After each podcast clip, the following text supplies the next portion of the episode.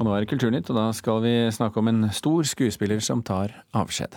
Mange syns han er stor. Daniel Day-Lewis, britiske Daniel Day-Lewis. Det har jo vært varslet før det at han skal slutte å være skuespiller.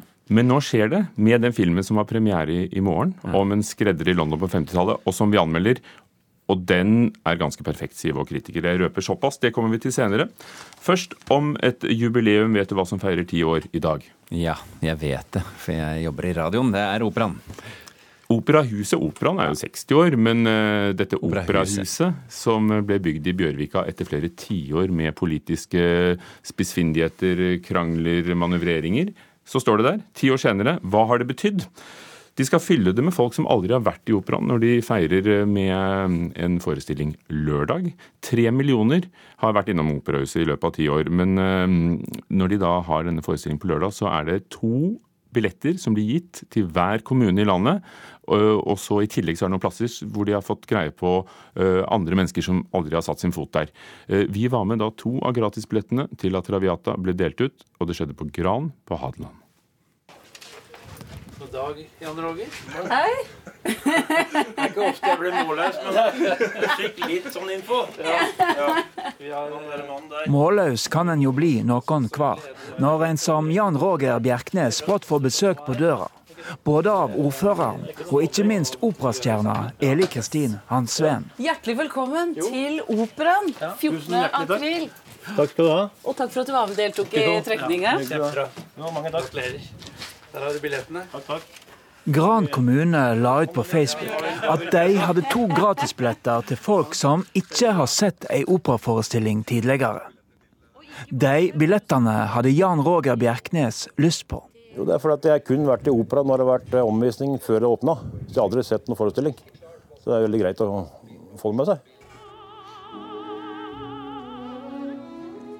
Nøyaktig ti år siden i dag. Eli Kristin Hansveen på scenen under den høgtidelige åpninga av Operahuset i Bjørvika. Det var jo en slags ny fødsel, eh, kanskje for hele Opera-Norge og, og, publikum i Norge. Det å få dette nye praktbygget. Vi har jo en sal som er helt unik i eh, verdenssammenheng. Eh, og det er helt fantastisk å stå på den scenen. Og publikum har strømma til. I løpet av ti år har over tre millioner sett opera og ballett i Bjørvika. Et snitt på 300 000 i året. Jevnt over har forestillingene i Operahuset hatt et belegg på rundt 90 Vi har så mange eh, førstegangsgåere til operaen. ikke sant? Og det er jo fordi at folk vet om det, at det er et praktbygg, selvfølgelig utvendig, men også at, eh, at det er mer tilgjengelig, rett og slett. Har vi ja, vi må gjøre det. Hva vil du presse? Nå er det Jan Roger Bjerknes som kan overraske kona med en tur i operaen. Ja, med kona inn. Geid Marie skal være med meg. Sammen med førstegangsbesøkende fra hele landet skal de se La Traviata på hovedscenen. Men han reiser til Oslo med litt blanda kjensler for musikken. Jeg er ikke noe fan. Nei, da er helt ærlig.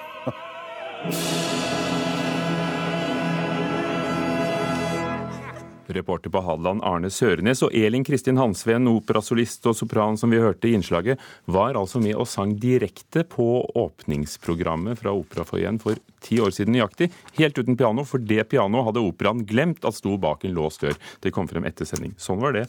Agnes Moxnes, kulturkommentator, hvorfor inviterer operaen alle de som aldri har vært i operaen? Det opplever jeg er et uttalt mål fra ledelsen i Norske Opera og Ballett akkurat nå. At de vil åpne dette huset for eh, andre grupper, særlig for unge. Særlig for folk som kommer fra andre steder enn Oslo og Akershus. Og få inn dem som ikke har vært der eh, før. For de fleste i Norge har jo aldri vært i operaen. Eh, eller hørt en opera eller sett da en, en, en Nei, eller hørt en opera eller sett en ballett live. Og det er jo sånn som med andre opplevelser at det er best når man er der selv. Men de fyller jo salen kveld etter kveld. Hvorfor er det viktig for dem å nå de som ikke kommer dit? Ja, Det sier seg jo selv. Dette er en statlig satsing. Det er en kjempedyr institusjon. Eh, og, og det er en superprofesjonell institusjon som i tillegg får gode kritikker, gjør det bra. Så det er all grunn til å, å gå i opera. At flere opplever det. En ny fødsel, sa Hansven i reportasjen. Men svangerskapet var ikke lett. Nei, og ikke bare det. Det var jo dessuten en veldig sen og smertefull eh, fødsel. Vi har jo ikke hatt fyrste og konger i, stort, i store mengder i Norge. Eh, så det var først etter krigen at det ble satt ned en komité eh, av regjeringen som skulle utarbeide liksom sånn nå må vi få en opera. Den komiteen gikk enstemmig inn for at operaen skulle legges på Nationaltheatret. Altså spille litt opera, spille, danse litt ballett og, og, og spille, spille, teater. Heldigvis var det noen som satte ned bremsen. Og i 1958, altså for 60 år siden i år, med direktør, første operadirektøren Kirsten Flagstad i spissen, så ble Den Norske Opera og Ballett åpnet i et gammelt eh, teater midt i Oslo. Og så skulle det gå ti, eller tiår til med masse temperamentsfull debatt eh, før det nye bygget da sto ferdig for ti år siden i år. Et nytt hus, operaen selv altså fyller 60 år, for både balletten og operaen. Hva har det betydd å få nye vegger? Ja, altså Et hus i dette tilfellet er jo mye mer enn et eh, hus. Det ligger så mange ambisjoner og forventninger i de milliardene som eh, staten brukte, på den nye operaen. Og jeg tror at de ambisjonene leses og forstås hver eneste dag av dem som jobber i det hvite marmorhuset i Bjørvika i sentrum i Oslo. Alt er blitt mye bedre, ikke bare arbeidsforholdene, men også kvaliteten på det vi ser på scenen. Og det liker publikum, og besøkstallet er jo blitt fordoblet sammenlignet med det besøkstallet som var i det gamle Folketeatret. Hvit marmor, ja. Den ble italiensk. Det var også en krangel. Skulle den være italiensk eller mhm. norsk? Snøhetta tegnet det. Mm. Sier det noe om arkitekturens kraft? For det er jo blitt kjent for langt flere enn dem som går inn i det. Ja, eh, Arkitektkonkurransen å tegne det nye operahuset er jo en av de største arkitektkonkurransene vi har hatt. Og det var jo, vi må jo bare si, det var jo et lykketreff at eh, Snøhetta leverte sin eh, tegning. Operaen er jo blitt en turistattraksjon i seg selv, og man regner jo med nå at mellom 15 og 16 millioner mennesker har oppsøkt Operataket. Bare Operataket i løpet av disse ti årene, og så er det da tre millioner omtrent som har gått inn, da. Angela Merkel, eh, forbundskansler, var gjest for ti år siden på gallaforestilling. Eh, hvem kommer på, på festene? Altså det er festforestilling i kveld, og det er da en jubileumsforestilling lørdag. Ja, de som kommer i kveld på festforestilling. Arkitektene kommer, kongen kommer, dronningen er på reise. Kulturministeren skal jo arrangere landsmøte denne helgen. Og det er en ballettforestilling? Det er kanskje ganske som, betydningsfullt? Det kan det, Ja, for balletten gjør det jo kjempegodt, og det er vel kanskje de som liksom har vokst mest eh, i løpet av disse ti årene som, eh, som det har vært i det nye huset. da. Og lørdag er det altså La Traviata som sendes direkte på TV, NRK altså, klokken 20 med alle de som har fått billetter og som ikke har vært der før. Takk, Agnes Moxnes. Fra det til en moderne klassiker.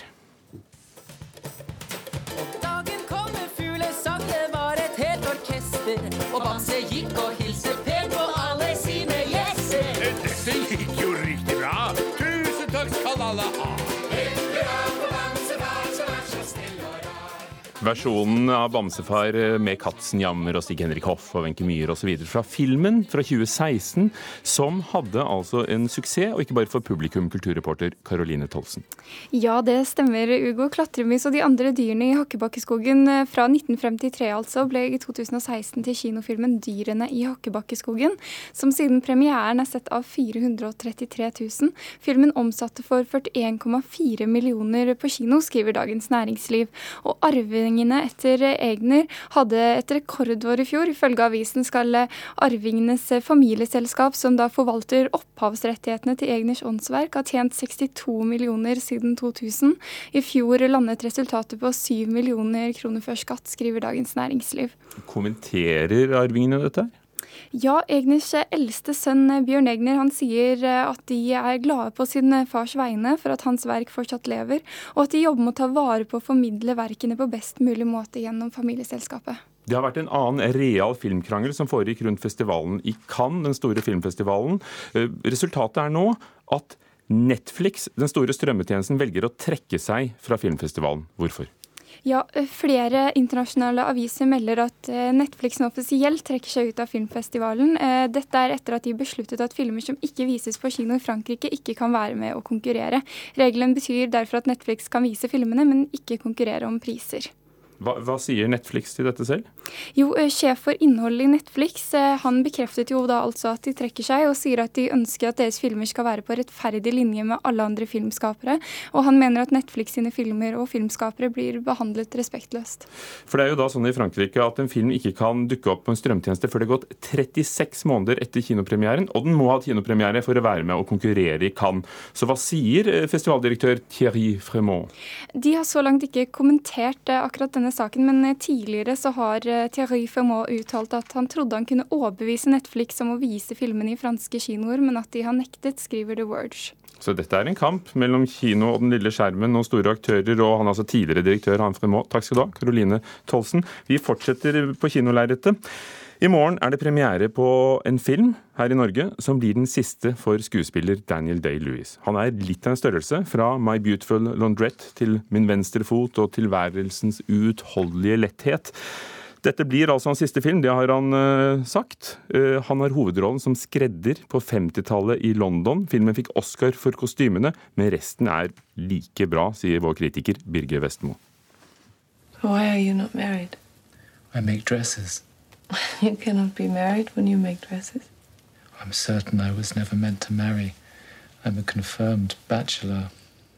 Man burde takke høyere makta for at et nytt samarbeid har oppstått mellom regissør Paul Thomas Anderson og skuespiller Daniel Day-Lewis ti år etter There Will Be Blood.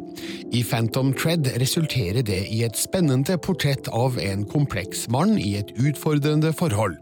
Andersons manus er full av skarpe og detaljrike observasjoner rundt både figurene og fagfeltet de opererer i.